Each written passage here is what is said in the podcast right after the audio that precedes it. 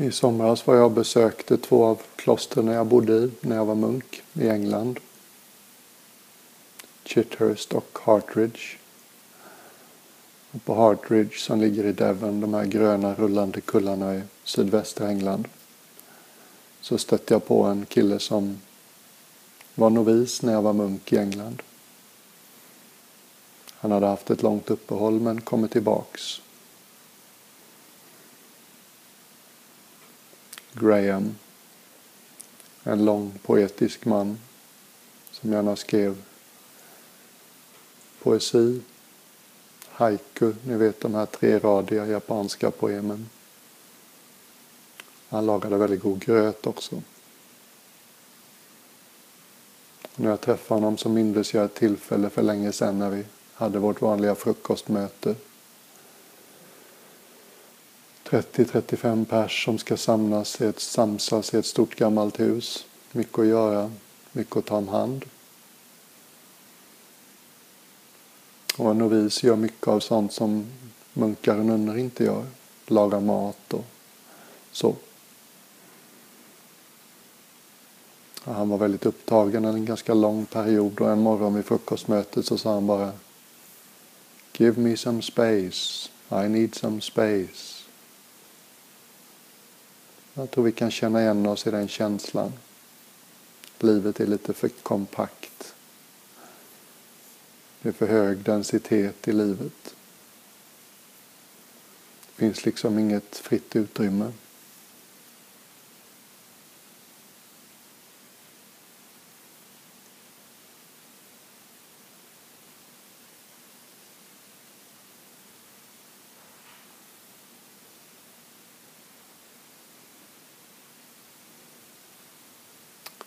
Och det är klart att man kan göra någonting åt det genom att skapa fysiskt utrymme.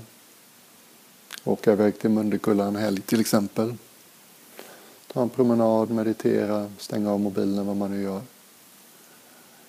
Det finns också sätt att skapa en känsla av utrymme i livet utan att liksom ge sig av fysiskt. Mm. Och ett av de tricken skulle jag vilja introducera den här meditationen.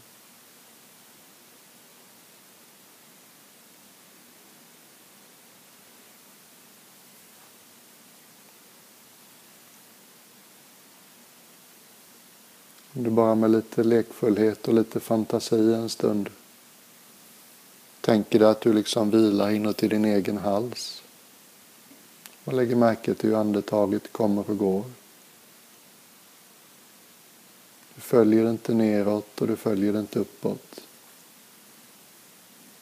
Bara liksom var i halsen.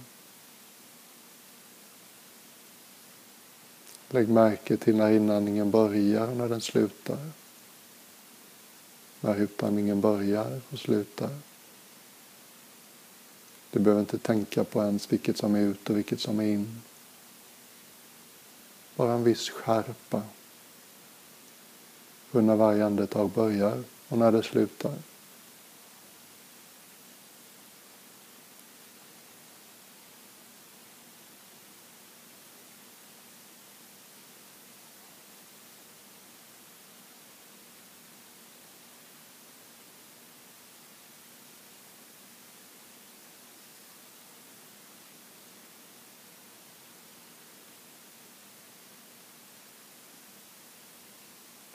Försök inte för mycket. Gör det liksom ledigt. Som om du visste hur man gör. Bara lägg märke till varje andetag som kommer och går. När det börjar och när det slutar.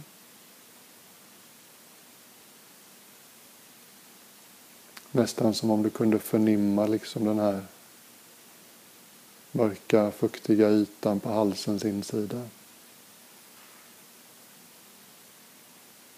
Som om du nästan kan känna den lite torrare luften som går in och den uppfuktade som kommer ut.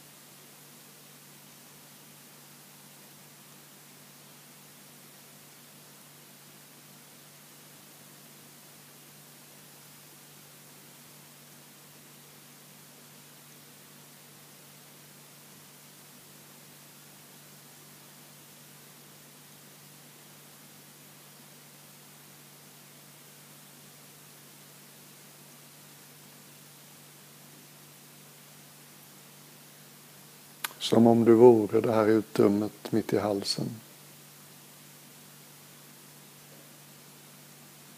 Som låter allting komma och gå.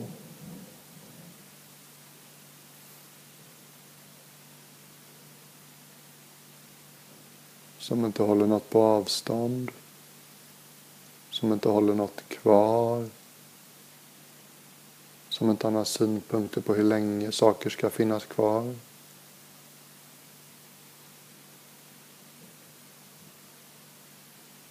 Som om det bara vore utrymmet genom vilket allting kan komma och gå.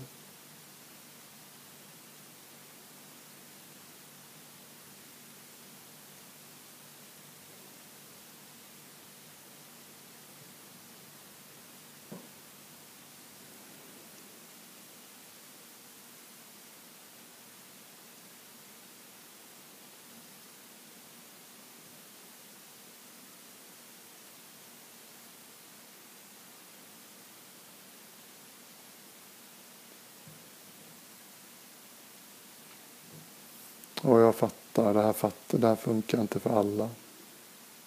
Du kanske bara sitter och undrar vad snackar han om? Jag känner ingenting. Det är okej okay det med. Olika saker funkar för olika människor.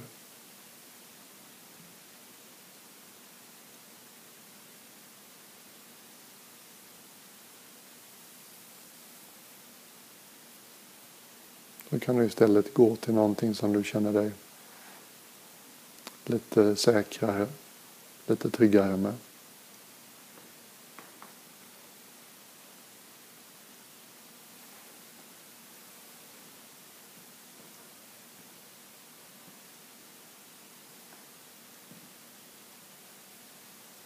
Men för en del av oss så lockar det här.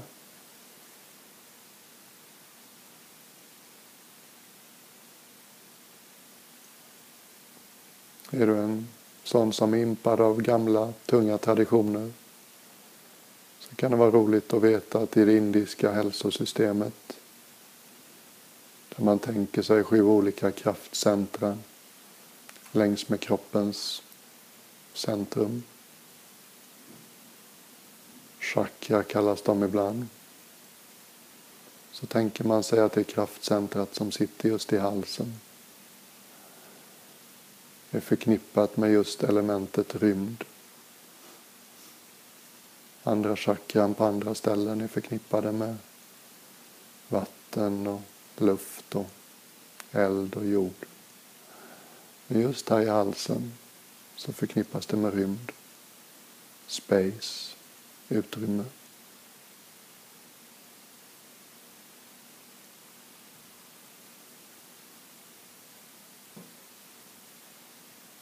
Och vi är byggda på det sättet allihopa. Att det vi ger vår uppmärksamhet, det växer. Mm.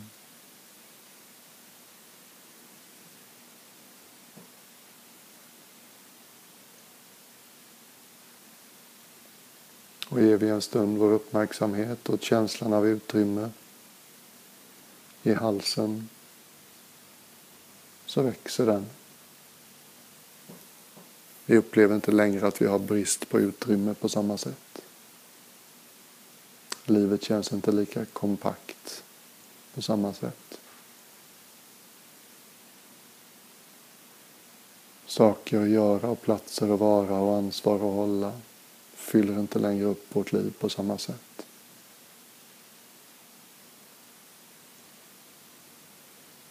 Ett eller två andetag, det har vi faktiskt alltid tid med.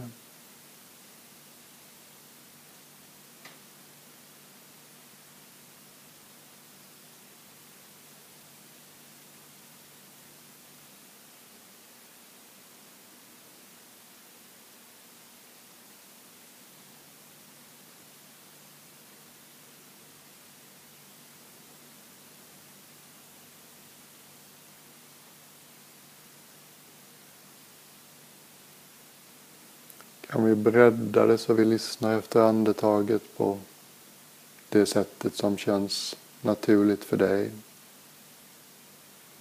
Kanske mitt förslag från igår. Och uppleva inandningen som något som stiger genom bålen. Och utandningen som något som sjunker. Kanske var det lite forcerat och onaturligt för dig. Kanske känns det för dig mer som att överkroppen är lite som en sfär eller ballong som expanderar lite i varje inandning och drar sig samman lite i varje utandning. Kanske har du ett annat sätt att uppleva andetaget som känns väldigt hemvant för dig. Vilket som. Bara sitt och låt kroppen andas.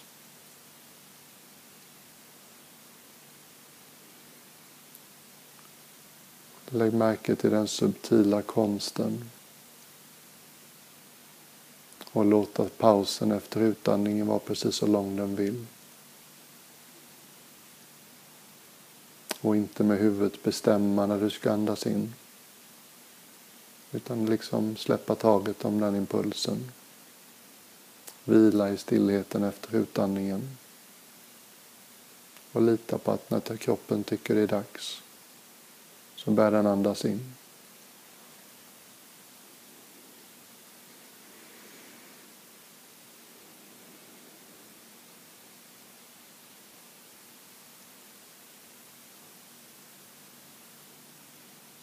Och blir andetaget väldigt, väldigt lugnt, knappt märkbart.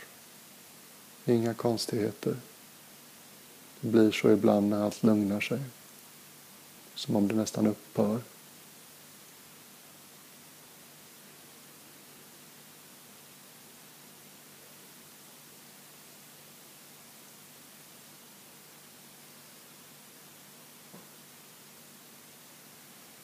Precis som jag sa i förra meditationen, låt magen vara rund.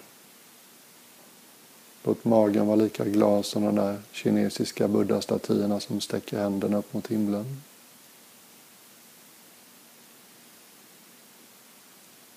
Det är den första gesten vi gör för att stänga ner vårt känsloliv. Hålla in, stänga magen.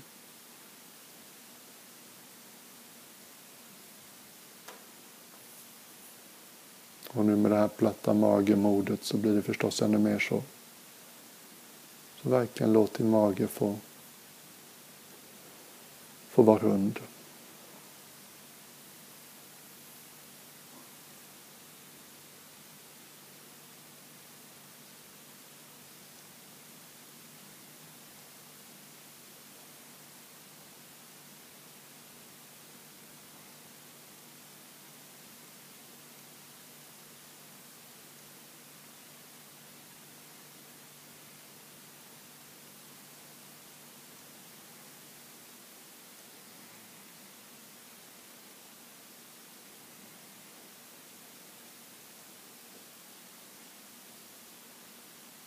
Och det är väldigt lätt hänt att somna när det börjar lugna sig. Innan vi börjar meditera så är det ofta tänka eller somna och inte så mycket mittemellan.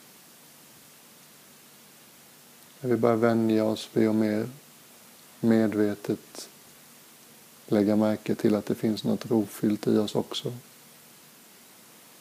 Det finns något i oss som inte behöver tänka hela tiden. Då får vi lite utrymme mellan tänka och sova. Sova är fine.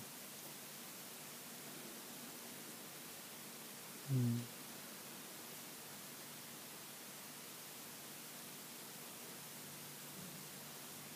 det finns en väldigt skön vila som kan hända när vi är vakna också.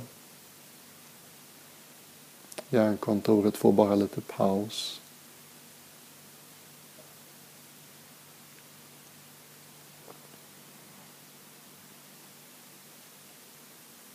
Thailändska munken som startade traditionen jag hörde till, Ajahn Chah. Han satt någon gång med några nunnor och munkar och tog upp en djungelkniv. Ni vet en sån här stor bred machete. Och så sa han, skulle man använda den här kniven och hugga i alla möjliga material. Glas och betong, och plast och sten och metall och trä och allt vad det kan vara. Så blir den snabbt slö. Gör sitt jobb dåligt. Men om vi låter den här kniven ligga och vila i sitt fodral och bara tar fram den när det är dags att hugga i trä, då gör den sitt jobb väl, skarpt, effektivt. Och så liknade Ajahn Chah vårt intellekt vid en djungelkniv. Och det finns förstås sätt på vilket vi blir skarpa genom att träna intellektet.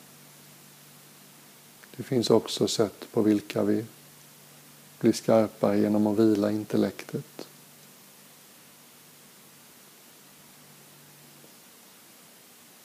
Det har aldrig någonsin i mänsklighetens historia funnit en tid då intellekt stimuleras så mycket som nu.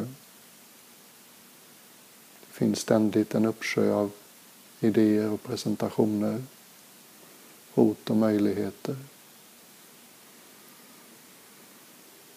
Bara att tugga i sig genom vilken skärm som helst, vilka hörlurar som helst. Många moderna arbetsuppgifter kräver en nästan omänsklig insats. För många är det nästan alltid bråttom på jobbet. Och det här sliter ut oss.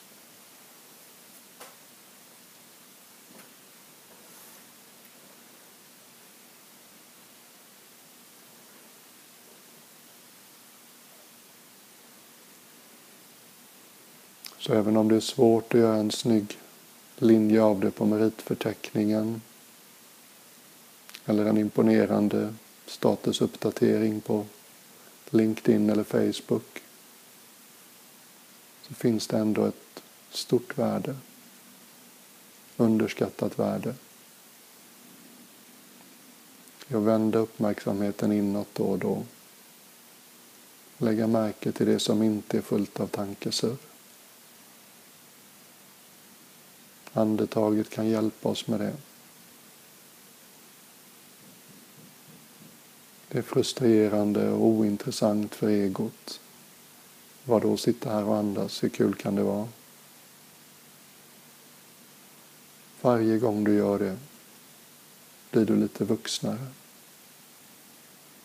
Varje gång du gör det släpper du taget om några tankar väljer att inte följa några tanketåg. Stärker din förmåga att välja vilka tankar du vill följa. Välja vilken värld du vill leva i inuti. Det här är vuxet på riktigt.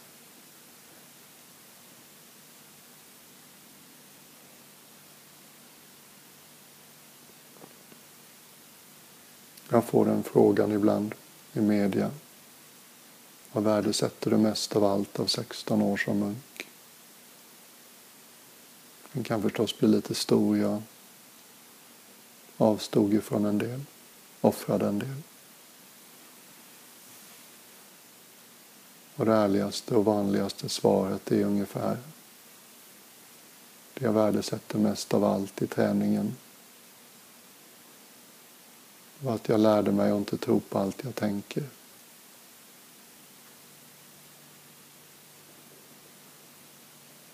Inte det att mitt tankeliv har blivit så himla konstruktivt och sammanhängande och samlat. Jag har mycket mer, och, jag har mycket mer möjlighet att välja vilka tankar jag följer. Och de vi följer, de blir stora såklart.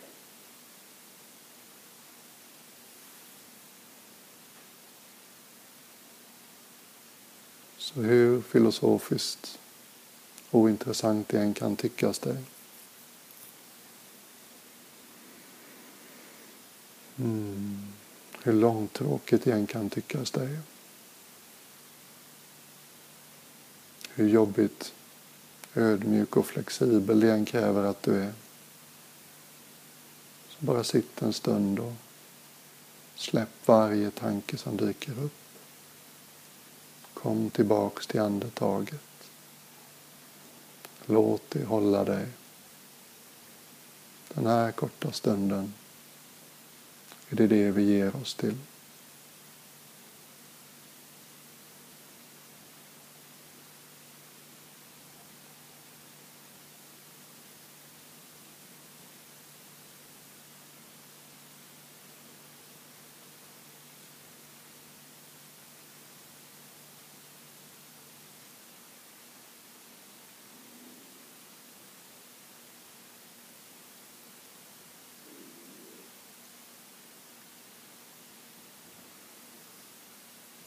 Ett andetag i taget. Som om det var det första.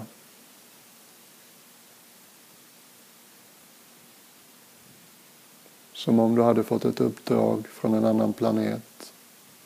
Som om du var från en annan planet. Vi behöver någon som förstår sig på de där människorna på jorden. De verkar inte klara det här så bra. Mm. Och så beamar någon in dig i en människokropp och du har inte hunnit öppna ögonen än. Och när du liksom bara känner efter vad som händer innan du öppnat ögonen så är den här takten något av det första du lägger märke till. Stigande, fallande andetaget expanderande, kontraherande andetaget.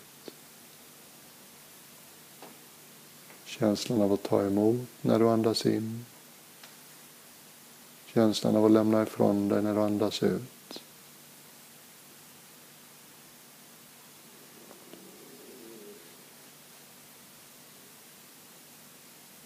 Och kanske ett plågsamt pockande från ja, egot att det vill ha något mer spännande att ägna sig åt. Ja, jag hör vad du säger. Och nu tar vi nästa andetag.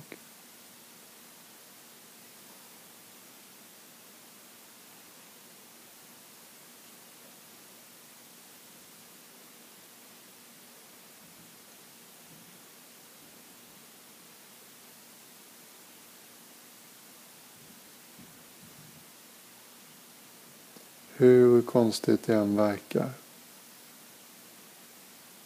så var det det här buddhan gjorde. När han 35 år gammal satte sig under ett bodhiträd i fullmånen i maj i vad som idag är Indiens fattigaste delstat. Enligt legenderna ska han ha lagt sin hand på marken och sagt att jag tar jorden till mitt vittne. Jag har en rätt att sitta här. Jag tänker inte resa mig förrän alla former av förvirring är försvunna för alltid.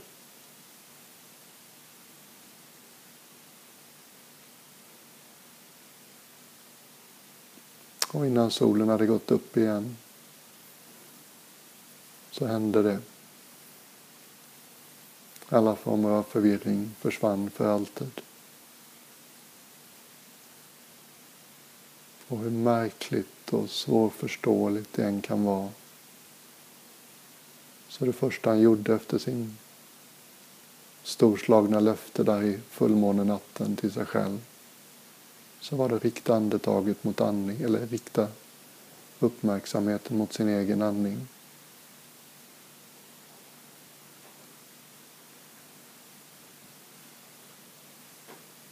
Som en vän inuti. Som något att luta sig mot. Något att hålla sig Något att ty sig till när åskan går.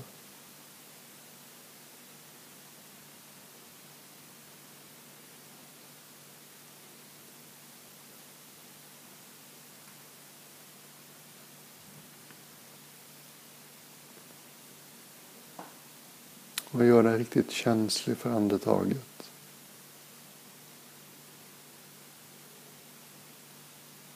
Ställ åt sidan några idéer om vad du tror andas inombords.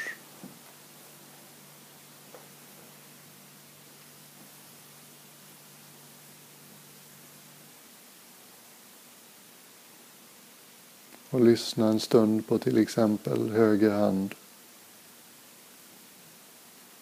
Kan det vara så att höger hand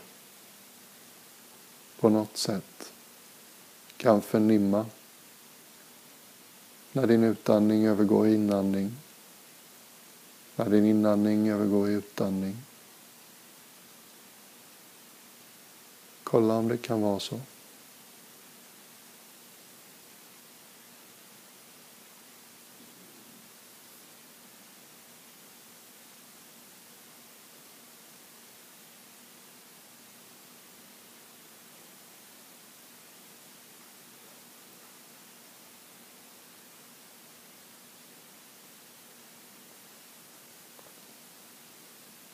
Min uppmuntran är förstås bara att vänja dig vid att lyssna bredare efter andetaget.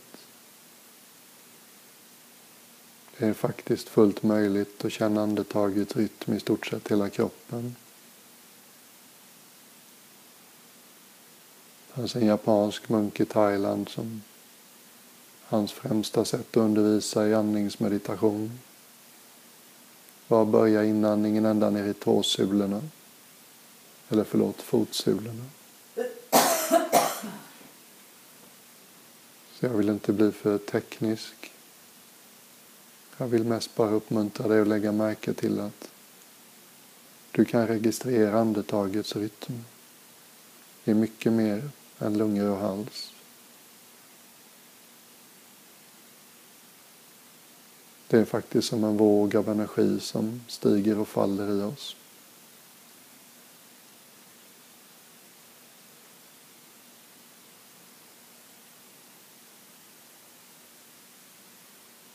Lite lojt och lekfullt.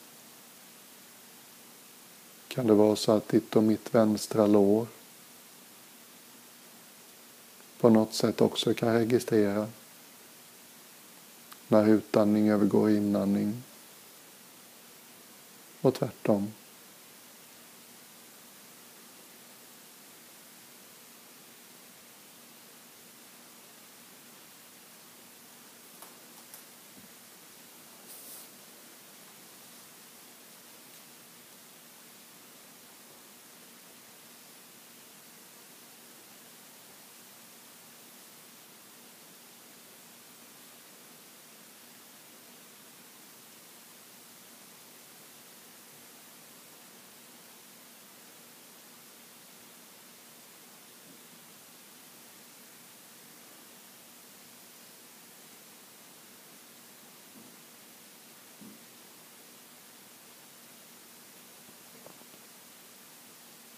Så om det känns intressant och görbart så var det här faktiskt ett av sätten som Buddha rekommenderade andningsmeditation. Hans mest kompletta presentation innehöll 16 steg av andningsmeditation. Många av dem låter inte som de har så mycket med andetaget att göra tycker jag. Men ett av stegen var just det här. Upplev, uppmärksamma, vila i hur faktiskt hela kroppen andas. Bara lyssna på ditt bredaste vis efter andetagets takt i hela kroppen.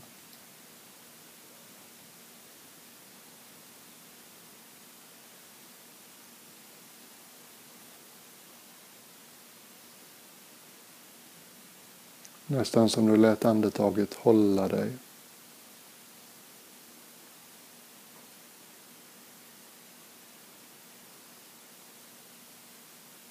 Som om du sa ja till din egen känslighet med varje andetag.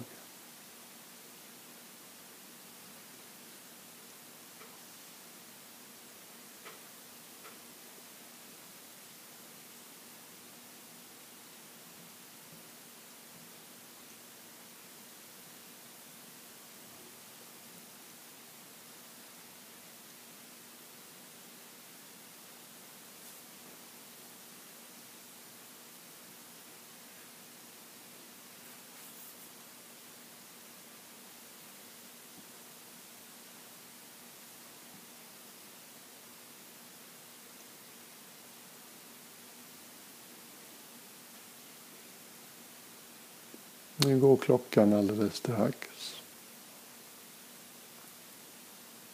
Men min uppmuntran är att liksom inte släppa uppmärksamheten på kroppen helt och hållet när vi har en pratstund. Låt en del av din uppmärksamhet få vara kvar i kroppen.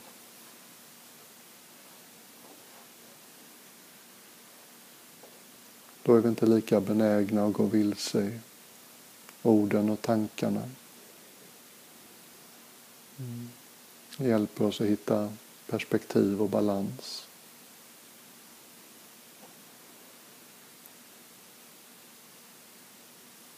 Det är som att få ha tillgång till våra allra klokaste och mest kreativa delar.